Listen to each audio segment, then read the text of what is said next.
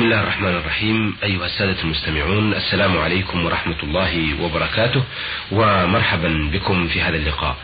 أسئلتكم أيها السادة في هذا اللقاء نعرضها على سماحة الشيخ عبد العزيز بن عبد الله بن باز الرئيس العام لإدارات البحوث العلمية والإفتاء والدعوة والإرشاد. آه، في بداية هذا اللقاء آه، نرحب بسماحة الشيخ ونشكره لإتاحة هذه الفرصة للإجابة على أسئلة المستمعين. حياكم الله وبارك فيكم. سماحة الشيخ السؤال الأول من السائل يقول أخوكم في الله يحيى محمد جابر زيداني يقول إنسان في جماعة آه، وسمع الأذان. هل يجب عليه أن يؤذن أو يكفيه الأذان الذي سمع من آه، يعني مؤذن آخر؟ بسم الله الرحمن الرحيم. الحمد لله والصلاة والسلام على رسول الله وعلى آله وأصحابه ومن اهتدى بهداه. أما بعد فالإنسان في جماعة سمع الأذان؟ أي مسجد؟ فإن الواجب عليه وعلى الجماعة أن يجيب الأذان وأن يتوجهوا إلى المسجد ولا يصلوا في محلهم. ولا حاجة إلى أذان ولا غيره بل يتوجهون إلى المسجد الذي سمعوا أذانه وهو قريب منهم حيث يمكنهم الوصول إليه والصلاة معهم. إذا كان الأذان بالصوت الطبيعي فإن الغالب يكون مسجد قريب. نعم. أما إذا كان بالمكبر فقد يكون بعيدا ووصله الصوت من بعد. فالحاصل أن الواجب عليهم التوجه المسجد إذا أمكن. أما إن كان بعيدا لا يتوسل الوصول إليه إلا بعد فوات الصلاة لوحده ولأن الصوت سمعهم بواسطة المكبر وهو يأتي من بعيد فإنهم يكتفون بالأذان هذا وتكفي الإقامة نعم. لأن المقصود سماع الأذان ووجود ما يدعو الناس إلى الصلاة ويعلمهم بالوقت فقد حصل لا وهو يقول أيضا في الرسالة هل يجب عليه أن يؤذن أم يقيم على الأذان الذي يسمعه من حوله؟ أفيدونا. يكفي هذا يعني قريبا منه. المقصود يكفيه الإقامة. إذا كان ما يتيسر له يصلي مع الناس لمرض لمرض أو كونه حارسا أو ما أشبه ذلك يكفيه الأذان ويقيم. يعني يأتي بالإقامة فقط. نعم. أما إذا كان في محل آه، قريب بحيث يستطيع الوصول إلى محل الأذان ويصلي مع الناس فالواجب على هؤلاء السامعين الأذان أن يجيبوا.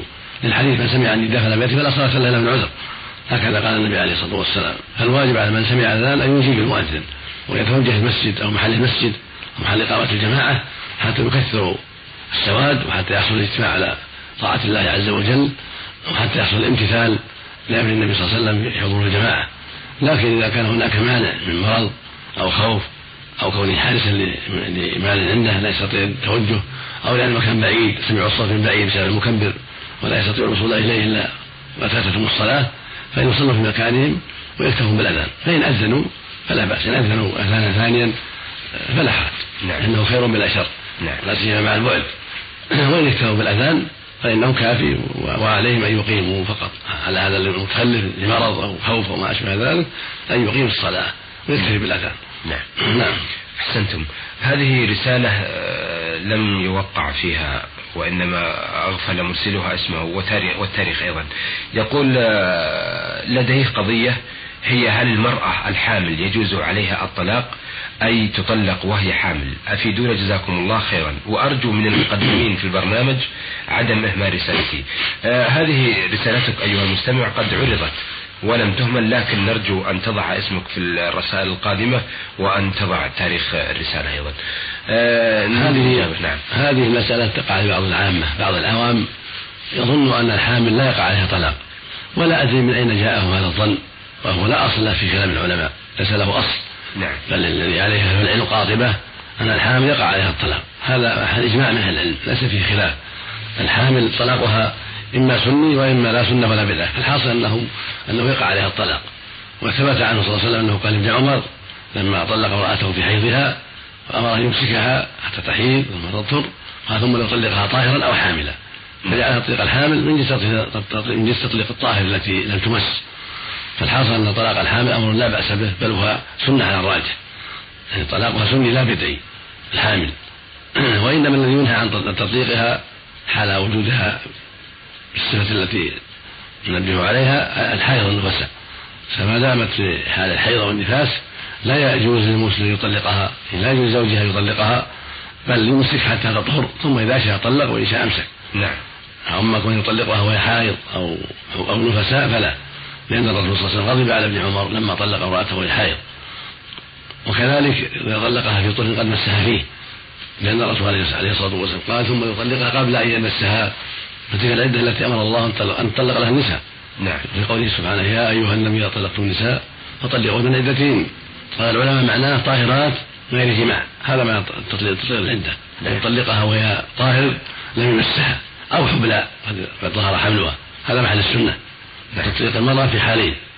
إحداهما أن تكون حبلى يعني حامل فطلاقها سني لا بدعي الحال الثاني أن تكون طاهرا لم لم يمسها الزوج. قد طهرت من حيضها أو نفاسها قبل أن يمسها. فإن هذا الطلاق سني في هذه الحالة. نعم. أما البدعي فله ثلاث حالات. تطليق الحائض هذا واحدة هذه واحدة. تطليق النفساء اثنتين تطليق المرأة في حال طهرها بعد المسيس بعدما جامعها هذا هذا بدعي لا ينبغي أن يقع. ينبغي للزوج أن يمسك عن الطلاق في هذه الحال حتى تحيض ثم تطهر قبل أن يمس يطلق. نعم. إذا والحكمة في ذلك والله أعلم أن الشارع يريد عدم الطلاق ويرغب في بقاء النكاح لما فيه من الخير والمصالح. نعم فلهذا ضيق الطريق إليه فجعل المرأة في حال حيضها أو نفاسها أو طهر مسها فيه ليس محل الطلاق حتى يمسك فلعل الحال تحسن بعد ذلك ولعل الوئام يحصل بعد ذلك فلا يقع الطلاق نعم. ولا يطلقها إلا في إحدى حالين إحداهما أن تكون حبلى والثانية أن تكون في طهر لم يمسها به نعم. وهي في هذه الحال في الغالب لا يطلقها لأن يرغب فيها طهرت رغب في جماعها فإذا جامعها منع من طلاقها. حتى تبقى معه. وكذلك الحبلى إيه، ليس فيها موانع من من الجماع. فهي صالحة للجماع في كل وقت. فلهذا لا يرغب في طلاقها في الغالب. ولأنه يرجو هذا النتاج هذا الحمل. يكون يرجو أن أن يشاهده وأن يربيه. فحينئذ يحصل الامتناع من الطلاق. نعم. هذا من رحمة الله للعباد سبحانه وتعالى. أن جعل الطلاق في هاتين الحالين حالة الطهر وحالة من المسيس وفي حالة الحمل حالة الحمل. نعم. حتى لا يطلقها لأن إذا كان الطلاق في هاتين الحالين فالغالب أنه لا يقع الطلاق في هاتين الحالين نعم. لأن بعد الطهر يشتاق إلى جماعها بعد ما منع منها أيام في حال حيضها ونفاسها يشتاق إلى جامعها فإذا جامعها منع من طلاقها. حتى تحين مرة أخرى وتطهر. في الحقيقة أن المرأة إذا راعى الزوج هذا أمر مشروع. فإنه بذلك يقل الطلاق ويكثر الإمساك والشارع يرغب في بقاء النكاح لما يترتب عليه من مصالح كثيرة ولهذا كان الطلاق أبغض الحلال إلى الله أبغض الحلال الله الطلاق. نعم. لأنه يفرق بين الرجل وأهله ويسبب آه، شيئا كثيرا من الأذى على الأولاد والزوج أيضا قد يتأخر ما تزوج والمرأة قد تأخر ما تزوجت بعد ذلك. فالحصل أن الطلاق فيه مساوي. فلهذا شرع الله سبحانه وتعالى أسباب بقاء النكاح ليبقى الرجل محافظ على زوجته مستفيدا منها وتبقى المرأة كذلك في أصل زوجها في هذه الأحوال التي بين بينا أنه لا يطلق فيها نعم. حالة الحيض حالة النفاس حالة الطهر التي التي قد جامعها حالة الطهر التي قد جامعها فيه هذه الأحوال الثلاث لا يطلق فيها ولا يجوز الطلاق فيها نعم. وبهذا يقل الطلاق ويكثر الإمساك وهذا من رحمة الله وإحسانه إلى عباده جل وعلا. نعم. إذا آه، أصبحت المسألة على عكس ما يتصوره هذا السائل. نعم. عكس نعم. نعم. نعم. آه هذا السؤال يتعلق بالإنابة في الحج. آه مرسل آه الأسئلة من بلاد بالقرن وهو الأخ محسن سالم محمد غزوان. يقول دفع مال لشخص من أجل أن يحج لوالدته وهو يرى أنه أمين ثم تبين له أن هذا الشخص يعمل عملا غير صالح ويطلب الإفادة في هذا. ينبغي لمن أراد أن يستنيب هذا في الحج أو في العمرة أن يختار الرجل الصالح المعروف بالثقة والأمانة ويسأل عنه ولا يتساهل. فلا يدفع المال إلى من لا يعرف حاله بل الواجب أن يتثبت الأمر وألا يستنيب إلا الثقة الأمين الذي قد عرفه جيرانه وإخوانه وأصحابه بذلك. فإذا استأجر إنسان ليس بأمين يعني أظهر له بعد ذلك أنه ليس بأمين فإن الأولى به أن لا, يكتفي بذلك إذا أحب بل يدفع حجة أخرى إلى ثقة الأمين أو يحج بنفسه عن والدته أو عن جدته أو عن أخته بالله عن أخته التي قد ماتت ولم تحج أو عاجزة. لا تستطيع الحج لكونها كبيرة السن يحج بنفسه حتى يطمئن إلى أن أدى الحجة عن هذه القريبة أو يعطيها إلى ثقة أمين معروف حتى يطمئن إلى أنه يؤديها كما شرع الله سبحانه وتعالى. وكثير من الناس لا يبالي يدفع الحجة إلى كل أحد. إلى من حبه ودب هذا غلط. لا ينبغي هذا. وليس من الأمانة وليس من الرعاية. لابد من كون الإنسان يرعى الأمانة ويتقي الله في شؤونه كلها. فالحاصل إذا تيسر له يحج بنفسه عن أمه أو جدته أو أخته فلا بأس وهذا أولى. وإن لم يتيسر اختار ثقة الأمين المعروف بالديانة والأمانة. وإذا تيسر له من أهل العلم كان هذا أكمل حتى تؤدى يؤدي حتى يؤدي الأنساك على خير وجه وعلى ما شرعه الله سبحانه وتعالى. ثم الحج لا يكون لا عن ميت أو عن إنسان كبير السن يعني عاجز عن الحج. أما الصحيح الحي لا يحج عنه. نعم. بل, بل إنما يكون عن الميت أو الذي عجز لكبر سنه أو مرضه الذي لا يحج عنه. حتى ولو النافلة على الأرجح حتى ولو النافلة. نعم. ولكن الآن الحجة وقعت وهو يسأل عن حكمها. هل الظاهر الإجزاء إن شاء الله إذا كان إذا كان لا يدري الحج أو ما حج فالظاهر الإجزاء. يعني الظاهر الإجزاء لأن الأصل أن مثل هذه المسائل الغالب على من أخذها أنه يؤديها هذا الغالب. وإن كان قد يتهم بالخيانة لكن الغالب أنه يؤديها. لكن إذا احتاط وأخذ الحجة الأخرى من باب الاحتياط هذا حسن. من باب دع ما يعجبك إلى ما لا يعجبك ومن باب الحيطة ولا سيما إذا كان آه، وكيلا في ذلك. إذا كان وكيلا في إخراج الحجة فقد قصر في الوكالة ولم يعتني بها فكونه يخرج من ماله حجة أخرى ليحتاط لدينه ولبراءة ذمته هذا يكون أولى إن شاء الله. نعم. لأن الركن الأول غير مأمون على أداء الحجة. نعم. آه هنا رسالة من آه السودان.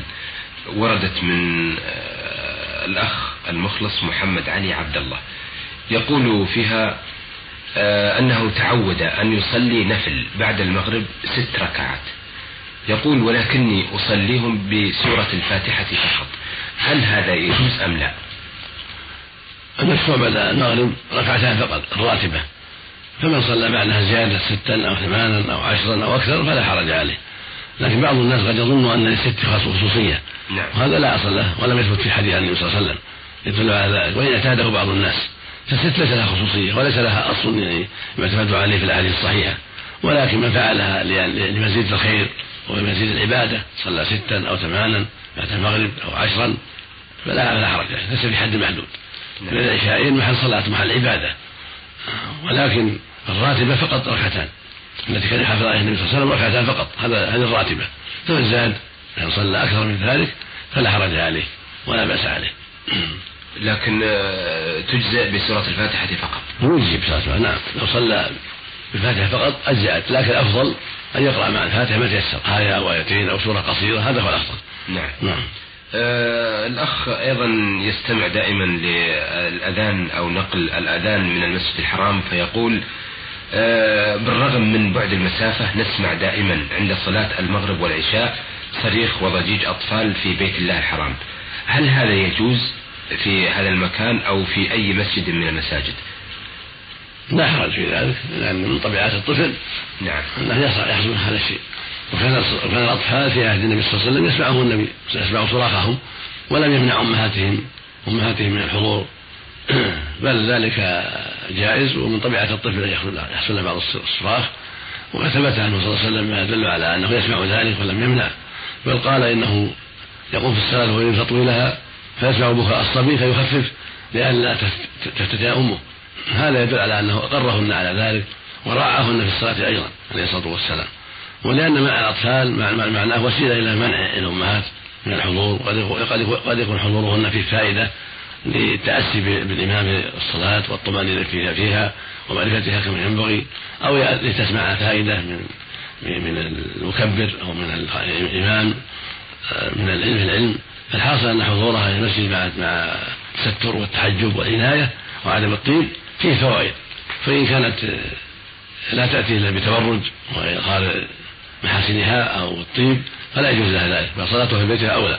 وبكل حال صلاتها في بيتها أولى وأفضل إلا إذا كان خروجها تستفيد منه فائدة واضحة كالنشاط في قيام رمضان وكسماع العلم والفائدة.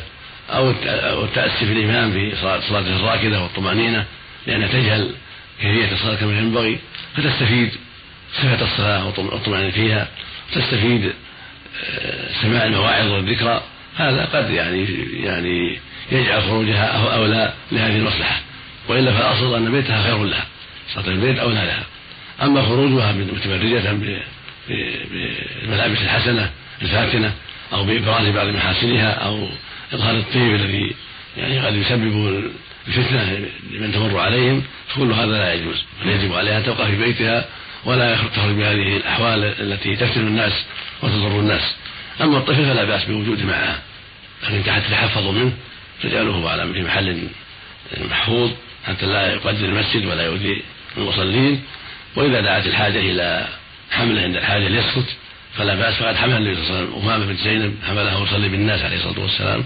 نعم. فالحاصل أن وجود الأطفال في المسجد وحملهن حتى في الصلاة لا حرج فيه عند الحاجة نعم. ولكن ينبغي يراعى في ذلك سلامة الطفل من النجاسات حتى لا ينجس أمه. نعم. أحسنتم. آه شرف وقت البرنامج على الانتهاء ونشكر سماحة الشيخ عبد العزيز بن عبد الله بن باز. أيها السادة إلى هنا ونأتي على نهاية هذا اللقاء. الذي أجاب فيه سماحة الشيخ عبد العزيز بن عبد الله بن باز الرئيس العام لإدارات البحوث العلمية والإفتاء والدعوة والإرشاد على أسئلة الأخوة المستمعين وهم يحيى محمد جابر زيداني وأخ لم يذكر اسمه وقد سأل عن طلاق الحامل والأخ محسن سالم محمد غزوان من بالقرن والأخ محمد علي عبد الله من السودان. أيها السادة حتى لقائنا في غد إن شاء الله تعالى نستودعكم الله والسلام عليكم. عليكم ورحمة الله وبركاته.